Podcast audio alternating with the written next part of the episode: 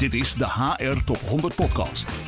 Met vandaag als gast. Ik ben Tom van der Lubbe. Ik uh, werk bij Visie. Wij zijn allemaal visionairs, zoals dat heet. En ik vervul een hele hoop verschillende rollen binnen het bedrijf. En welke rollen zijn dat?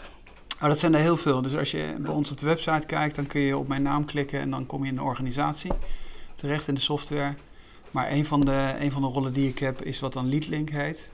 Dus ja, eigenlijk de coördinerende functie. In een ander bedrijf zou je het CEO noemen, maar dat is niet helemaal vergelijkbaar. Oké, nou daar komen we vast over te spreken. Uh, we beginnen de podcast altijd met vijftal stellingen. Die gaan over HR, dus ik ben erg benieuwd uh, naar jouw reactie daarop. De eerste is, de kerntaak van HR is? Uh, ja, ik vond het een aardige vraag.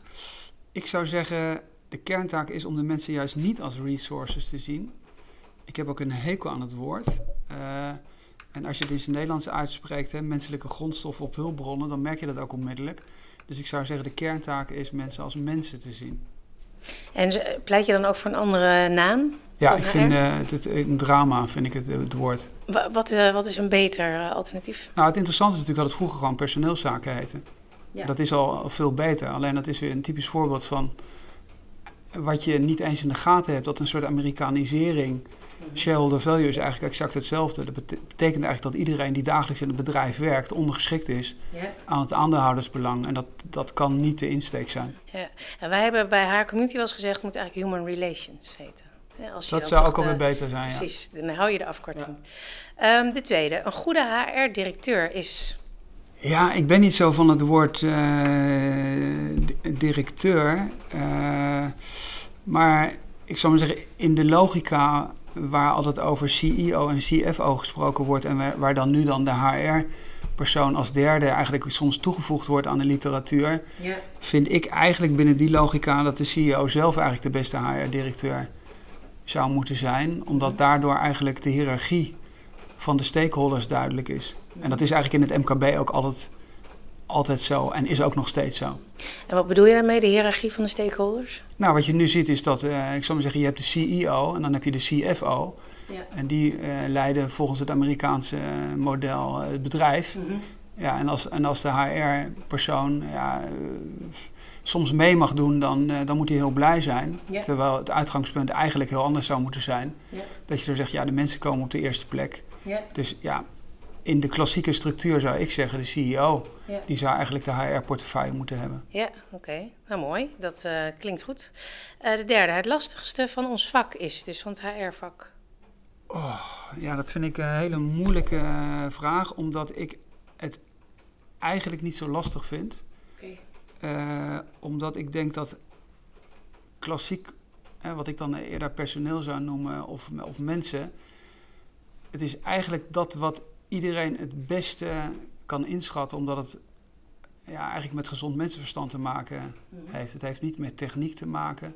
Mhm. Het heeft eigenlijk meer met de manier van omgaan met elkaar te maken. En wij hebben bijvoorbeeld eigenlijk maar één regel binnen het mhm. bedrijf, de gouden regel. Behandel andere mensen zoals je zelf behandeld wilt worden. En ik denk als je, als, je, als je op die regel concentreert, dan is het helemaal niet zo lastig. Het lastige is misschien hoogstens, en ik denk dat het voor bijna alles geldt, dan ook daadwerkelijk naar de hand consequent te zijn en daar elke keer weer aan te appelleren. Maar op zich vind ik, ja, qua HR, denk ik dat, dat het niet zo lastig is. Het is meer een kwestie van hoe sterk verankerd zijn waarden en normen.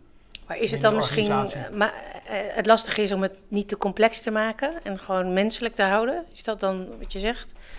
Ja, ik zou maar zeggen, klassiek gezien is bijvoorbeeld het aannemen en het coachen van mensen niet, niet zo het probleem, maar het naar de hand eruit halen van de mensen. Wij zouden zeggen als er geen cultural fit is, als, het, als je gewoon merkt dat mensen niet gelukkig worden in de organisatie, dat is misschien iets wat lastig, ja. wat voor sommige mensen lastig is. Alleen ik denk dat als je, we zijn natuurlijk een heel klein bedrijf, ja. als je dat heel systematisch opbouwt en heel, heel goed en fair met elkaar omgaat, dan is dat helemaal niet zo lastig. Alleen het is natuurlijk, voor ons is het makkelijk praten, want bedoel, je werken niet 40.000 mensen, maar 40 mensen. Uh, dus als je dan ergens uh, een klassieke HR-functie hebt en je komt in een hele grote organisatie, ja, ja. ja dat is uh, een structuur die gegroeid is. En dan kan ik me voorstellen dat er heel veel dingen heel lastig zijn. Ja. alleen daar hebben wij natuurlijk hier in, in, in deze miniclub ja, niks mee te maken, zou ik maar zeggen. Ja, nee, maar goed, daarmee zijn jullie misschien een mooi voorbeeld. Um, het laatste wat ik geleerd heb is. Ja, het laatste wat ik geleerd heb is dat ik elke keer weer eigenlijk verbaasd ben hoeveel zelfsturende elementen er in de geschiedenis elke keer verschijnen. En het laatste wat ik, wat ik kort geleden las was dat die kleinste Romeinse legereenheid van acht mensen die gezamenlijk in één tent slaapt, uh, dat, dat daar die, ja, die soldaten de leidinggevende om tussen aanhalingstekens zelf kozen. En dat vind ik eigenlijk altijd wel leuk. Ja. Dat je altijd dit soort, dit soort eigenlijk hele simpele dingen tegenkomt. En dan is het 2000 jaar geleden. En dat is natuurlijk leuk als inspiratie voor, uh, ja, voor de discussie over organisaties. Ja, ja. en je, je zei net al even hè, dat je historicus bent. Dus dat horen we dan ook terug. ja. Ze kunnen veel leren van hoe het vroeger deden. Hè, hoor ik je zeggen. Um, Werken gaat in essentie over. Zingeving. En wat is zingeving? Zingeving is dat mensen, uh, ik zal maar zeggen, met passie erbij zijn, naar hun werk gaan. Uh, ik denk dat uh, het zelfs steeds belangrijker wordt, werken, mm -hmm. omdat een hele hoop andere structuren wegvallen. Mm -hmm. dus vroeger was, ik zal maar zeggen, geloof of de verzuiling in Nederland of de familie. Mhm. Dat waren allemaal dingen die, die uh, ja, veel zwaarder wogen en veel belangrijker waren. En ik denk dat, uh, ik denk dat werken wat dat betreft steeds belangrijker wordt. En dat uh, zeker ook, dat merk je ook aan de jongere generatie. Steeds meer ook die reflectie er is, ja, wat doe ik eigenlijk de hele dag? En is het iets waar ik me mee, ja, mee kan identificeren? Mm Het bekendste voorbeeld is wat dat betreft natuurlijk die discussie die je bij de energietransitie had bij Shell dat de mensen die in Delft afstuderen niet meer bij Shell willen werken. Dat vind ik een hele interessante, ja, eigenlijk een hele interessante uh, situatie. Ja. Uh, als je daarover nadenkt, je dus moet afvragen van ja, waarom doen mensen dat? Want je kunt ergens heel veel geld verdienen. Mhm. En toch zeggen mensen nee, ik vind die inhoud uh, van mijn werk ja. vind ik zo belangrijk dat ik dan niet voor die meest interessante financiële optie kies. Ja, ja. Dus ik denk dat het om, om, zingeving gaat uiteindelijk. Dus dan hoor ik je zeggen, hè, dus de, uh, waar, waarvoor doe je het, maar ook de sociale cohesie hè, die je benoemt. Of het, het bij elkaar horen of ergens onderdeel van zijn. Ja. Ja, wat dat betreft is het natuurlijk uh, vanuit de antropologie, hè, dat ken je waarschijnlijk ook wel, Danielle Brown en Jitse Groen en dat soort mensen. Mm Mensen willen uiteindelijk ergens bijhoren tussen aanhalingstekens. Of niet verstoten worden, zou je zeggen, als het om tribes en zo gaat. En ik denk dat mensen uiteindelijk gewoon naar hun werk komen. Ten eerste omdat ze iets zinvols willen doen, gezamenlijk. En ik denk dat ze het gewoon... Ja, het zijn, we zijn kuddedieren in de zin van dat we graag met andere mensen samen iets doen. Mhm. Ik denk dat als je helemaal in je alleen zit... Mensen is gewoon toch een sociaal wezen. Mhm. En hè, er zijn natuurlijk wel steeds meer ZZP'ers ook, hè, dus, maar die, die toch ook wel elkaar opzoeken of uh, in een organisatie werken. Dus dat past daar wel bij. Nou ja, ja wij, wij geloven daar niet in. Mm. Dus wij denken dat mensen, ik zou zeggen, ergens onderdeel van willen zijn in de zin van dat je ergens mee kunt identificeren. Yeah. En als jij, ik zou zeggen, vijf verschillende opdrachtgevers hebt yeah. en dan eigenlijk begin van, van alle, weet ik veel wat, het kerstpakket krijgt of... Yeah. Uh, ja, ik, ik, ik weet niet of dat, of dat een toekomstmodel is. Oké. Oké, nou, interessant. En hè, je, had het over zingeving. Wat, uh, waar komen mensen hiervoor naar hun werk? Kun je iets vertellen over wat jullie doen? Uh, nou, we hebben een, een dubbele missie. Mm -hmm. de, ene, de ene missie die we hebben, omdat we hypotheekadvies doen voor eigenlijk ja, vooral starters of academici in de Randstad, is dat we vinden dat die financiële sector kwalitatiever zou moeten zijn. Ook meer lange termijn gericht zou moeten zijn. Duurzamer zou moeten zijn. Uh, dat heeft met ons, uh, ja, wat we dan financial planners DNA noemen te maken. Mm. Dus als je een klant goed wilt begeleiden. En uh, zeker als er dingen zijn als een hypotheek. Wilt dat mensen daar ook nooit door in de problemen mm. komen. je verwezenlijkt een doel. Dus dat is het ene deel van de, van de missie. of raison d'être. Uh, en het, and het, andere is dat wij vanaf het begin af aan als oprichters, want we hebben met z'n vieren dat gedaan, mm -hmm. uh, hebben gezegd van nou wij zijn ondernemer geworden omdat we niet gemicromanaged willen worden. Mm -hmm. Dus ga nou ook niet die mensen die naar de hand uh, in je bedrijf werken, ga die ook niet lopen micromanagen mm -hmm. of micromanagen. dus de, het idee dat een werkomgeving moet bijdragen ik zou maar zeggen, tot, tot geluk yeah. of tevredenheid. Uh, dat, dat is iets wat uh, voor ons net zo net zo belangrijk is. Ja. En dat is natuurlijk ook weer de koppeling met als je de mensen op de eerste plek zet. Ja. wat, wat, ik soms iedereen kent dat videootje wel van Richard Branson. Mm Staat overigens ook bij ons op de website. Mm Die eigenlijk gewoon zegt van als je mensen tevreden zijn, dan zijn je klanten naar de hand ook tevreden. En dan, mhm. dan gaat het met je bedrijf ook goed. Mhm. Dus dat zijn eigenlijk de twee, de twee essenties waarom mensen, denk ik, hier ja, willen werken. Mhm. En op zich is het ook wel grappig dat de mensen die hier bijvoorbeeld allemaal uh, adviseur zijn, uh, allemaal niet bij een bank hebben gewerkt of ook niet zouden willen werken. Op zich is dat wel enerzijds is dat grappig, hoewel ik niet eens weet of het woord grappig is. Anderzijds is het misschien ook wel heel erg droevig. Mhm. Eh, omdat het iets zegt over, ja, eigenlijk over, over de situatie waar we inmiddels eh, als financiële sector ook in beland zijn. Ja, en zijn dat dan wel starters met die financiële geschoolde achtergrond? Of die, die echt een andere keus maken? Of zijn het ook zij-instromers? Ik denk dat het een beetje 50-50 is. veel mensen die direct van de universiteit komen, maar ook wel ik, ik weet het niet precies, dat, ik, heb het, ik heb de statistiek niet in mijn hoofd, maar of mensen die één of twee jaar in een grote corporate hebben gewerkt. Ja. Daar heb ik wel wat, bijvoorbeeld nu ook meteen wat, wat, wat voorbeelden in mijn hoofd. Hm. Van mensen die uh, ja, gewoon na één, twee jaar hebben gezegd van nou nee, dit is, dat is niet mijn, dat is niet mijn, uh, mijn bedrijf. Ja. Uh, ik wil in een kleinere structuur zelf meer impact ja. kunnen hebben. dus dat zijn een beetje de beide, denk ik, de beide hoofdgroepen. Ja interessant. En uh, je zegt de mensen uh, voorop en geen uh, niet micromanager. het model wat jullie daarvoor kiezen is holacracy. Hè? Voor degene die er misschien wat verder van afstaat, kan je ons een kort samenvatting geven van wat is dat? Ja, holacracy is eigenlijk, het klinkt, het klinkt zo'n beetje, ja, hoe zou ik zeggen, een beetje een lastig woord, holacracy. Ja. Maar eigenlijk is het gewoon decentrale besluitvorming waar het individu uh, op basis van wat ze dan rollen noemen. Maar dat is eigenlijk niks anders dan dat zijn deelfuncties. Dus een functie wordt uitgesplitst. Veel meer autonomie heeft naar eigen inzicht dan het hoe, de manier waarop het werk gedaan moet worden, zelf in te richten. Mm -hmm. Dat is eigenlijk holocracy. En uh, je zegt functies opgesplitst. Hoe ziet dat er dan in de praktijk uit? heeft, hebben meerdere personen dezelfde rollen? Of hoe, hoe, hoe, moeten we ons dat voorstellen? Nou, als je, ik zou zeggen, klassieke uh, functiebeschrijving zou hebben en, en een functiebeschrijving is langer, dan zou je die functie opdelen in deelfuncties. Ja. Die deelfuncties hebben allemaal een aparte naam. Ja. Dat is dan een rol. Ja. En dan heb je minimaal twee rolvervullers. Ja. Uh, dus bijvoorbeeld uh, die, het werkoverleg waar jij net was. Ja. als er bijvoorbeeld iemand voor social media verantwoordelijk is dan is dat misschien een onderdeel van de marketingfunctie. Ja. Maar dat heet dan bijvoorbeeld socializer. En dan zitten er twee of drie mensen, zijn rolvervuller. En die zijn dan verantwoordelijk voor het plaatsen van content op social media. En, en het, uh, bij het besluiten dat meerdere mensen die rol hebben, is, is dat een uh, bewuste keuze, zeg maar, dat meerdere mensen dat samen moeten doen? Of, of wordt het besloten op basis van de omvang van de functie? Of van het werk wat er ligt, moet ik dan eigenlijk zeggen? Het heeft meerdere componenten. Ten eerste is het, is het, heeft het een soort vier ogen principe of, of vervangingsprincipe. Mhm. Dat als één op vakantie is, dat iemand anders ook nog de rol kan vervullen.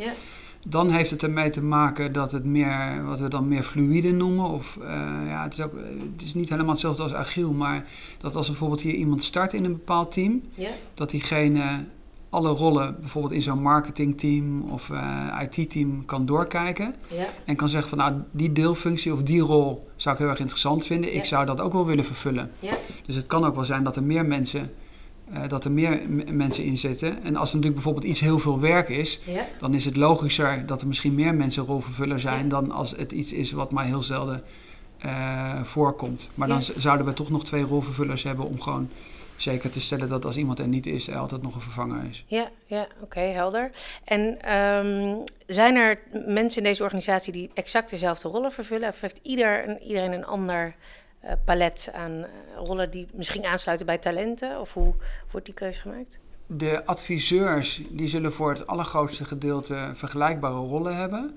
Alleen daar is bijvoorbeeld het advies ook weer in deelsegmenten opgesplitst. dus je kunt bijvoorbeeld een starter adviseren of een doorstromer adviseren. Nou, je hebt hele verschillende klantenproposities. Ja. Uh, uh, dus wat dat betreft zul je een soort overlap hebben van rollen. Als je bijvoorbeeld de adviseurs neemt of de adviseurscirkel neemt. Uh, en aan de, aan de ja, back-office kant, om het maar even zo te noemen, zijn hypotheekacceptanten zullen voor een groot gedeelte ook dezelfde rollen hebben. Dus maar of dat dan exact 80% is of uh, 90, dat hangt er een beetje vanaf. Maar wat, wat ook kan, is dat iemand, ik zou maar zeggen, die adviseur is en zegt van nou, ik zou ook wel graag een blogartikel willen schrijven. Of ik vind fotograferen ook leuk. Of ik vind, uh, weet ik veel wat, podcast opnemen ook leuk. Die zou in principe zich ook gewoon kunnen melden. Dus het, het is ook wel mogelijk dat je in één keer in een heel ander team waar niet jouw hoofdrollen zitten, je toch iets anders gaat doen. Ja, dus het geeft wel ruimte voor het meenemen van jezelf naar je werk, om het, maar, om het zo maar even te zeggen. Ja, je eigen. En dan is natuurlijk een hele belangrijke vraag voor onze podcast: wat is, eh, hoe is HR ingericht? Hoe ziet HR er hier uit? HR is. Um, ik denk dat ik eerst even anders moet beginnen. Ik zou maar zeggen, de, basisprincipe wat wij hebben is dat we, uh, zoals dat dan heet, Rijnlands uh, denken, multi-stakeholder. En niet shareholder-driven uh, zijn, dus de, de Europese model hebben. En zeggen er zijn, er zijn verschillende belangengroepen waar je als bedrijf rekening mee moet houden. Mhm. En daar zetten wij onze mensen op de eerste plek. Dus klassiek HR is, staat op nummer 1. Mm dat heet dan People First bij ons. Dat kun je ook gewoon op de website zien. Dus we hebben die purpose, die missie. Als bedrijf, dan komt als allereerste komen de mensen. Mhm. Onze eigen mensen. Dan komt, pas de, dan komt de klant. Dat is misschien een beetje bevreemdend, maar mhm. als we ervan uitgaan dat de mensen heel happy zijn, dan is de klant ook heel happy. Mhm. Dan komt pas, uh, en dan komt pas de shareholder, de aandeelhouder. En dat zijn wij dan als, vooral als uh, oprichters. Maar dat is een hiërarchie die vastgelegd is en ook zo daarop staat. Nou, dat betekent dat de cirkel die je dan hebt, of de team of de HR-afdeling, als je het voor een andere organisatie zou noemen, ja. dat, is, dat is dan het team. Daar zitten ons drie mensen in. Die zeggen van oké, het uitgangspunt is dat mensen happy moeten zijn bij ons. Happy ja, is ook een woord waar we niet zo van houden. Ja. Uh, maar tevreden moeten zijn, mhm. fulfillment moeten hebben in hun werk. Mhm. En dat is het uitgangspunt. En dat betekent bijvoorbeeld ook, er is ook een principe in dat ze zeggen family first. Dus als bijvoorbeeld iemand privé-issues heeft, dan gaat dat altijd voor, omdat wij op lange termijn denken. Dus het kan best zijn dat we dan zeggen, weet je wat, uh, diegene moet uh, even in de luwte fietsen. Mhm. Uh, en dat wordt vanuit die HR-cirkel wordt dat, wordt dat beslist. Dus dat is misschien ten opzichte van klassieke organisaties.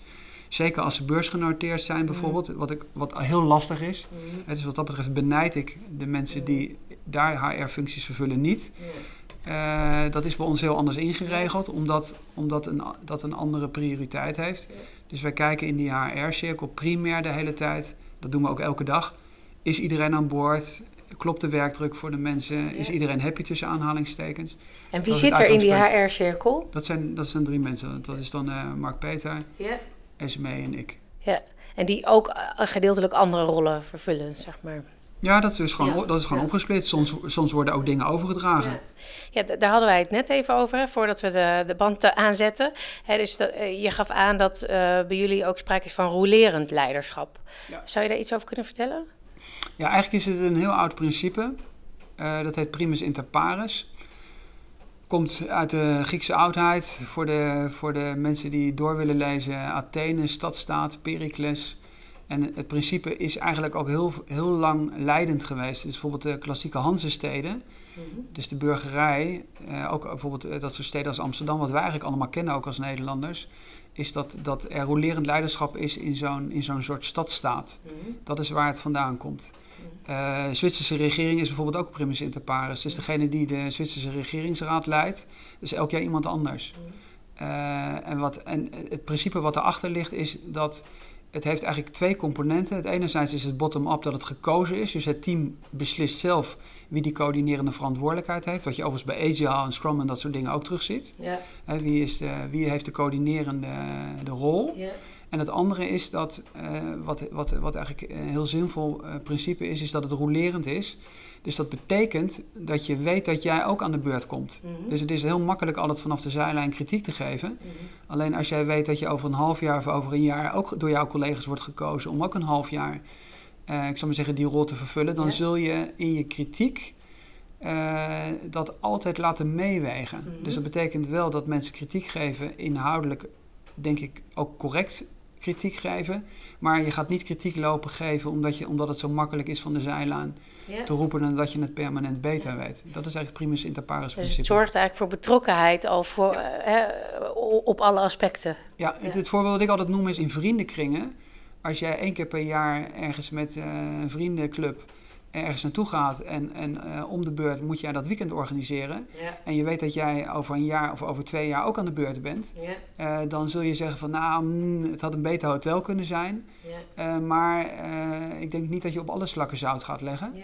dus ik uiteindelijk is het iets wat we eigenlijk allemaal heel goed kennen. Ja, dus het is eigenlijk ook een oproep, hè? Wat, wat meer te roleren, ook op alle vlakken uh, in je leven, of niet? Uh, nou, ik denk, dat het, ik denk dat het heel vaak zo is dat privé die dingen wel heel goed automatisch gaan, maar dat we in het bedrijfsleven dat dan heel anders doen. Dus wat dat betreft is, ik vind bijvoorbeeld rolerend gekozen leiderschap juist voor mensen die, ik zal maar zeggen, hiërarchisch gezien, want Holocracy heeft ook hiërarchie. Ja. Uh, ik zal maar zeggen, boven in de toren zitten, om het maar even zo te noemen. Ja.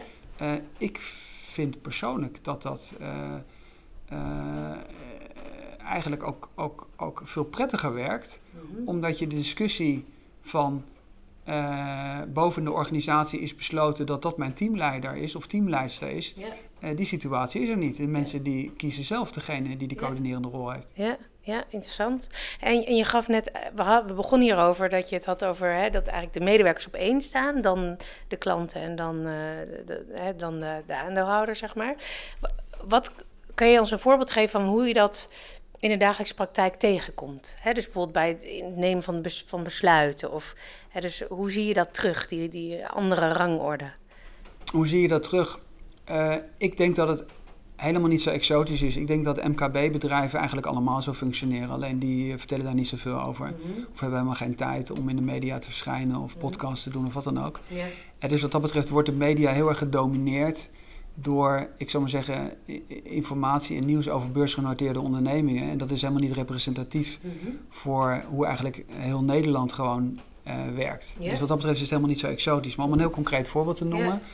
Uh, als je bijvoorbeeld zegt dat je mensen op nummer 1 komen, uh, dan kun je elke keer er weer over discussiëren of jij vindt dat je bijvoorbeeld ook s'avonds heel laat uh, hypotheekadvies zou kunnen doen. Maar je kunt ook zeggen als iemand één of twee keer in zijn leven een huis koopt en ook vrij kan nemen om een afspraak met de tandarts te maken, dan kan hij dat met een hypotheekadviseur, kan die daar ook tijd voor vrijmaken. Ja. Dus wat dat betreft is een beetje het idee alleen maar klanten op nummer 1 zetten en niet rekening houden met je eigen mensen. Ja. Uh, dat is natuurlijk iets wat, wat ik denk ons op een gegeven moment ook wel gaat opbreken. Ja. Dus het idee dat jij, het is natuurlijk heel prettig als klant dat je één minuut voor twaalf ergens online een pakketje kunt bestellen. Ja. En dan jaag je iemand s'nachts om twee uur door zo'n enorm magazijn. Ja. Terwijl jij ook al een week eerder dat pakketje had kunnen bestellen. Ja. Uh, dus uh, dat is iets bijvoorbeeld waarvan wij zeggen uh, nee, laten mensen maar gewoon normale tijden werken. De klant moet, moet daar ook maar een beetje rekening mee houden. En het interessante is dat de erkenning van de klanten juist heel groot is, mhm. omdat die dat namelijk ook heel goed uit hun eigen werkomgeving kennen. En dan zelfs soms zeggen van, oh dat is wel heel prettig dat dat een menselijke waarde ook nog heeft. Want waarom zou je voor de tandarts wel een uur vrij kunnen nemen? En hypotheekadvies zeg je nee, ik kan alleen maar op zaterdag. Of ik kan alleen maar s'avonds om tien uur. Ja, ja. Dat is toch een hele beetje een gekke wereld. Ja, dat is een mooi voorbeeld. En uh, het doet me ook denken aan... Ik, voordat we de podcast begonnen ben ik uitgenodigd bij een van jullie meetings. Hè, en wat denk ik ook heel belangrijk is, is transparantie. Hè? Dus uh, zichtbaarheid voor iedereen. Um, hè, ik denk eraan omdat je natuurlijk, als je zo'n klant uitlegt waarom je bepaalde beslissingen maakt, dat dat kan helpen. Um, Waarom is die transparantie zo belangrijk? Uh, transparantie is uh, heel, heel, heel erg belangrijk. Uh, omdat het met vertrouwen te maken heeft. Mhm. En het heeft ook ermee te maken dat als je zelf transparant bent en zegt wat de hiërarchie bijvoorbeeld van je doelen is of van je principes is, uh, dan is dat des te meer ook een reden dat iedereen je eraan houdt. Mhm. Dus transparantie helpt je wat dat betreft ook zelf als bedrijf. Yeah. als je daar gewoon heel duidelijk uh, over bent. Dus iedereen kan bijvoorbeeld bij ons op de website kijken en zien wie welke rollen bij ons vervult. Ja. Uh, maar uh, dat gaat ook, geldt ook, ik zou zeggen, onze mening van hoe we met pers omgaan. Ja. of politieke standpunten die we innemen. En dan weet de klant van, nou, dat, dat is een duidelijk verhaal. Uh, nou, dan zeggen wij van nou, zet, we zetten de, onze, e-, onze mensen op de eerste plek en dan komt de klant. Alleen ja, als er natuurlijk daaronder staat uh, 9,8, ik weet niet precies wat we op dit moment voor een uh, klantencijfer hebben, dan is dat wat dat betreft ook helemaal niet tegenstrijdig. Mm -hmm. Omdat de autonomie van de mensen natuurlijk ook tot een heel groot ja, klantengeluk is tegenwoordig zo'n zo'n modewoord. Maar het leidt ook gewoon tot heel veel. Te, tevredenheid. Ja, dus het is ook een, hè, een middel om tevreden klanten te, te krijgen. Uh, ja. Um, en ook tevreden medewerkers. Ja, ja, ja dus als je tevreden medewerkers hebt, dan heb je tevreden De helft van de mensen die bij ons uh, aan de slag gaat, die komt via onze bestaande mensen. Oh ja, ja. En een kwart, en een kwart als klant. Oh ja. Mark Peter was klant bij ons. Oh, echt grappig. Was klant en uh, Mark Peter zei... Uh, ik vind dat zo goed, ja. wat ik als klant hier meemaak. Uh, ik wil meer over jullie weten als werkgever. Ja. Dat is een kwart van de mensen die bij ons staat. Ja, dat is heel bijzonder. Ik denk dat heel veel organisaties daar heel jaloers op zijn. Ja, we hebben natuurlijk het voordeel dat, ik zal maar zeggen, een klant een hele goede indruk krijgt wat een adviseur, wat dat voor een baan of voor een job is. Ja. En dan zegt een klant van, nou, dat vind ik heel prettig. Het is ook iets heel positiefs, iemand daarbij te begeleiden. Het verwezenlijken van de woondroom, tussen aanhalingstekens. Uh, en dat is natuurlijk als je B2B uh, zakelijke dienstverlening doet, ja, dan is dat natuurlijk een heel ander. Dat zie jij in principe niet. Ja. terwijl de eindklant, ja, dat is, iedereen kan zichzelf heel goed voorstellen wat het is om een, uh, om een hypotheekaanvraag te doen. Dus wat dat betreft hebben we wel tot ook een voordeel. Maar dan nog denk ik dat er veel organisaties die ook die in die of op die voorgrond met de klant zitten, daarvoor zouden tekenen. Voor, uh, ja, dat denk ik ook. Dat klopt. Um, dat, dat werken volgens uh, Holacracy, wat, wat, betekent dat voor uh, eh, HR-instrumenten bijvoorbeeld? Welke dingen zijn overbodig of gebruiken jullie niet? als, je, als je denkt aan alle traditionele dingen zoals beoordelingscycli of nou ja, je kan het wel bedenken. Nou, Holacracy laat op zich iedereen of de organisatie daar vrij in. Dus ik zou maar zeggen, wij zijn wat dat betreft wel een ja, ik zou maar zeggen, wij laten ons door een hele hoop verschillende dingen inspireren. Mhm. Eh, en, en, en testen dan dingen zelf en, en bouwen onze eigen model. Dus we moeten een beetje oppassen dat de dingen die wij doen, is niet gelijk aan Holocracy. Mm Holocracy heeft gewoon wat, wat, wat, wat basisprincipes die geregeld zijn. Bijvoorbeeld dat werkoverleg, waar je net bij was. Waar eigenlijk gewoon de dagelijkse dingen die gedaan moeten worden besproken worden. En dan heb je nog een governance overleg uh, waar eigenlijk permanent gesproken wordt over wie verantwoordelijk is voor wat. Dat is, mhm. dat is die inhoud en het updaten van die deelfuncties, van die rollen. Ja. Uh, met betrekking tot, uh, tot HR. ik, moet, ik blijf het maar dan toch even voor jou HR noemen. En dan in de zin van human relations. Ja. Um, daar is het zo dat wij een hele hoop dingen wel anders hebben gedaan. En hebben gezegd, laten we een beetje teruggaan naar de oorsprong. en hebben nagedacht, hoe creëer je eigenlijk een omgeving waar mensen elkaar het meeste helpen? Ja. Uh, het, het, elkaar feedback geven. En daar hebben we gezegd, uh, dan moet je eigenlijk de financiële incentives moet je eruit halen. Ja. Nou, dat blijkt ook wel uit onderzoek. Of het nou Kahneman is, of Daniel Pink, of uh, Kilian Wawoe hebben we het even over gehad. Um, en dat zijn eigenlijk principes die in het verleden ook, ook, ook bestonden. Dus het, voor bonussen is nog helemaal niet zo oud hoor. Dat is in de jaren tachtig. Mm. Eigenlijk is dat pas ingevoerd.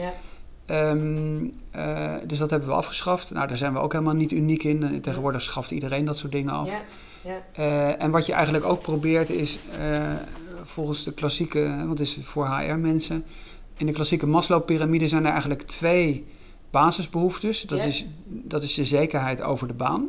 He, dus loop ik de kans dat ik eruit gezet word. Mm -hmm. Nou, dan is het idee van het oude Jackson Wells-principe aan het eind van het jaar moet je 20% eruit zetten. Nou, dat is, dat is, daar reageer je alleen maar met angst. Mhm. Dus dat is eigenlijk contraproductief als je wilt dat mensen samenwerken. Mhm. Eh, het thema bonussen, dat kent men denk ik inmiddels ook wel. Hè? De, de, video's van Daniel Pink. Mhm. Uh, wat eigenlijk ook iedereen wel begrijpt. Dat als je met z'n vijf of met z'n tienen samenwerkt en de mensen weten dat van de tien er twee of drie een bonus krijgen uh, zes niet en twee eruit moeten aan het eind van het jaar, dan is dat natuurlijk een uitermate slechte uitgangspositie.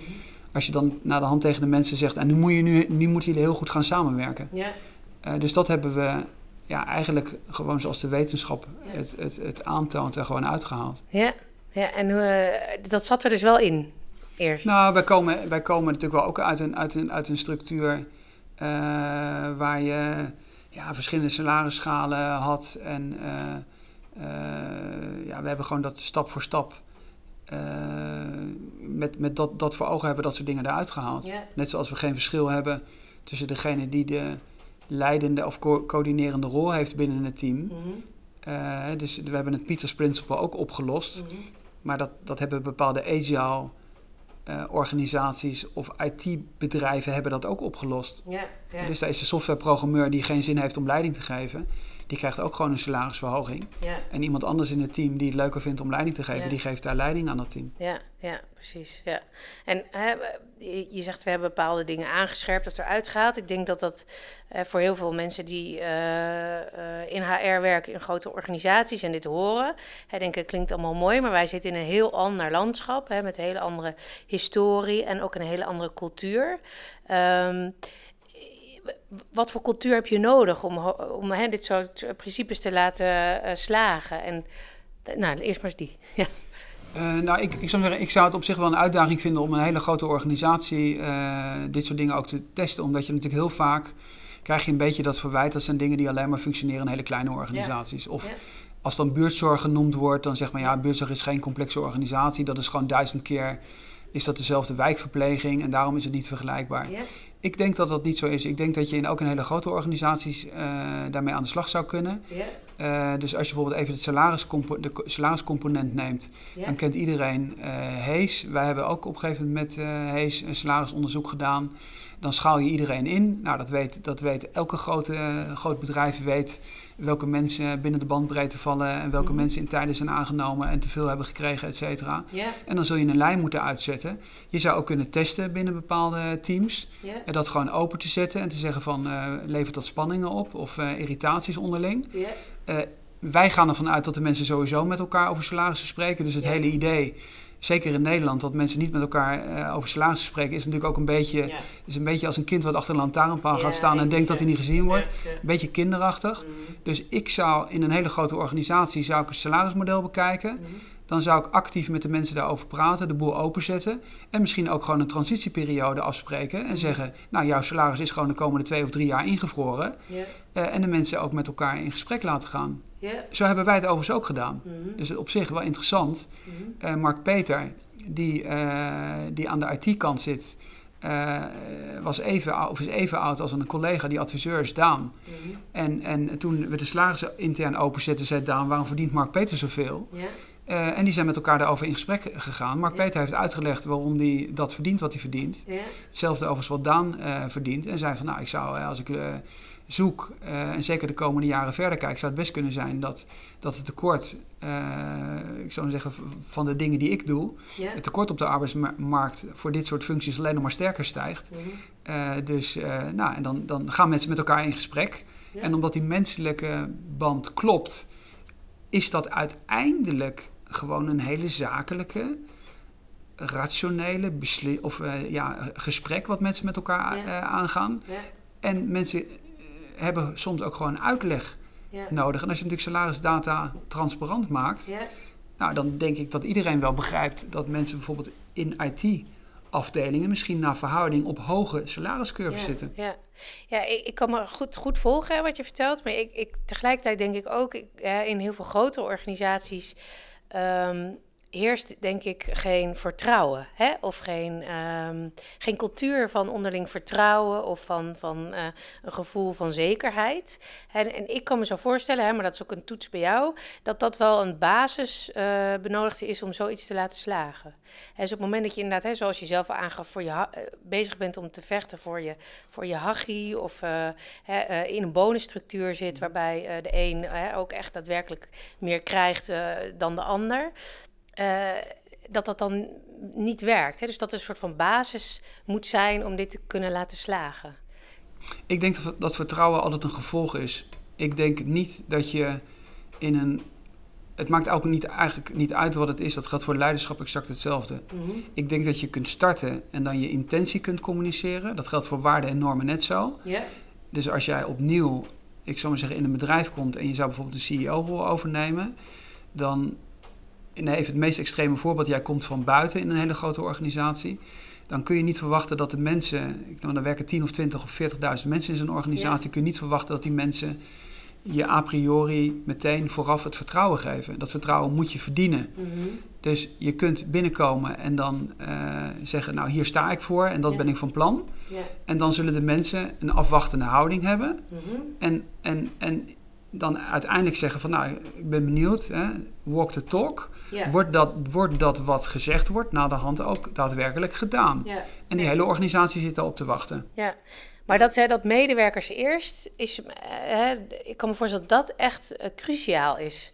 Uh, om dat te doen slagen. Maar wij hebben exact hetzelfde hoor. Dus we hebben bijvoorbeeld uh, in de hypotheekacceptatie, dat is een voorbeeld wat ik wel noem, werken wij met mensen die allemaal meer dan 10 jaar werkervaring hebben. En wij hebben het principe dat de salariscurve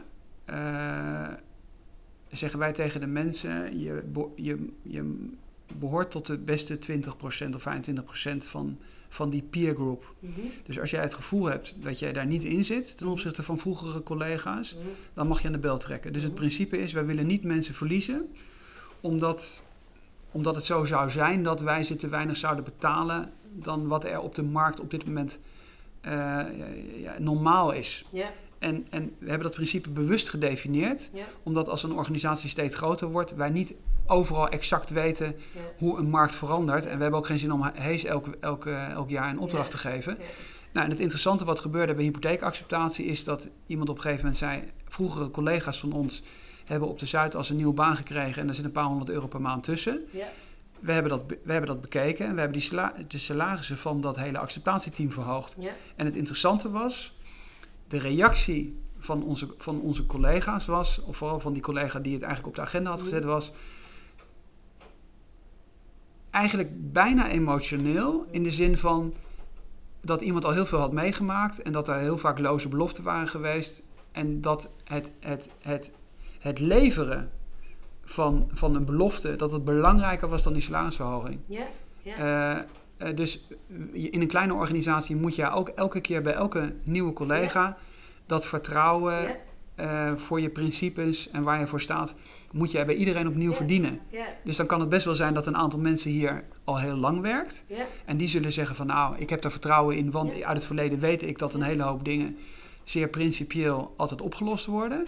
Alleen iedereen die nieuw in een organisatie komt, die zal toch zeggen van nou, even afwachten. Bij iedereen of dat... opnieuw bewezen worden. Ja. Ja, Dus ik denk dat het wat dat betreft ook helemaal niet zozeer verschilt van, van grote organisaties. Ik denk dat het grote probleem van grote organisaties vaak is dat je ten eerste met heel veel verschillende belangen te maken hebt. Dus het is heel lastig om medewerkers en klanten op de eerste of op de tweede plek te zetten, terwijl je die shareholders elk kwartaal hebt, die, uh, die, die dan een uitspraak willen hebben over wat er met het dividend gebeurt. Dus je hebt heel weinig speelruimte. En het is best wel lastig in een hele grote organisatie uh, om, om dan ook daadwerkelijk heel principieel te zijn. Want principieel betekent dat het pijn doet. Dus als principieel niet pijn doet, dan is het marketing. Ja. Is het wel mogelijk voor een beursgenoteerde organisatie om uh, op holacracy over te gaan? Ja, dat is in principe de grote vraag. Wat natuurlijk in Nederland heel interessant is, is dat bol.com uh, heel, heel ver is op het gebied van de holacracy. Ja. natuurlijk onderdeel van Ahold concern. Ja. Ik vind dat best wel een lastige vraag. Omdat ik, denk, het, ik denk dat het ervan afhangt, wat verwachten je shareholders? Ja. Dus als je bijvoorbeeld, neem even bijvoorbeeld Unilever als voorbeeld.